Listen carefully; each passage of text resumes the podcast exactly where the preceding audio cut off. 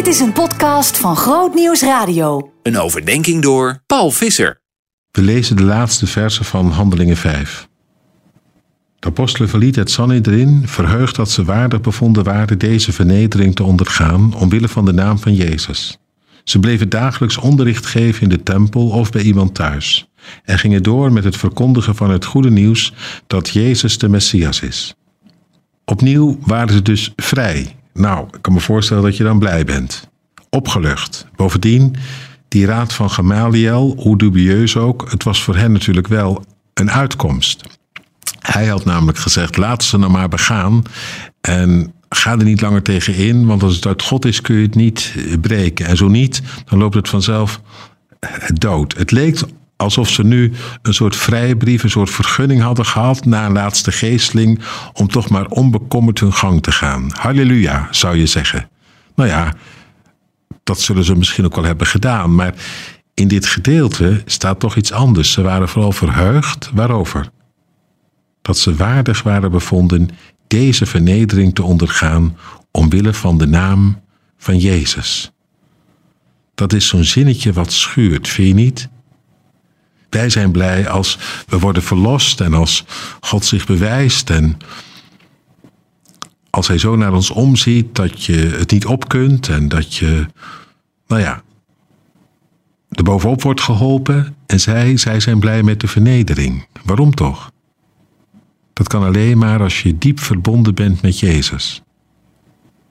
Dat Hij dan zegt: Ik acht jou waardig om met mij mee te lijden, met mij mee vernederd te worden.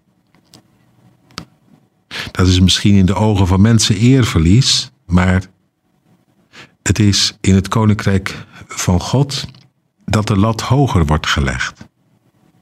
Dat hij ervan, uitgaan, dat hij ervan uitgaat dat je dat kunt verdragen. Dat je met hem mee leidt, dat je ondergaat wat hij onderging. Dat hij zo door zijn geest in je is dat hij je daar niet te zwak voor acht, maar krachtig genoeg, volwassen genoeg. Blij, verheugd dat je waardig bent bevonden om uh, volop met hem mee te gaan, met hem mee te lijden, met Jezus.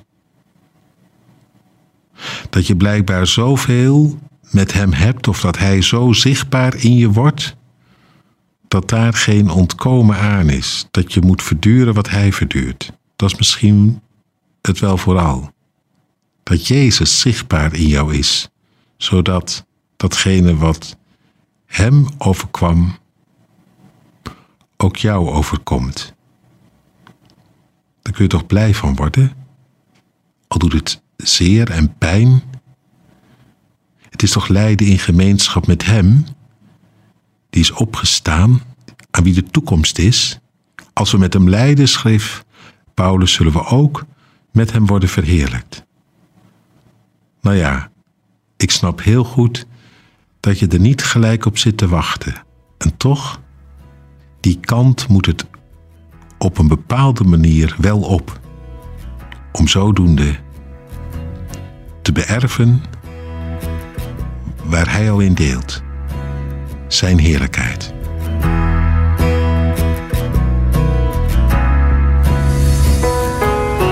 Meer verdieping? grootnieuwsradio.nl slash podcast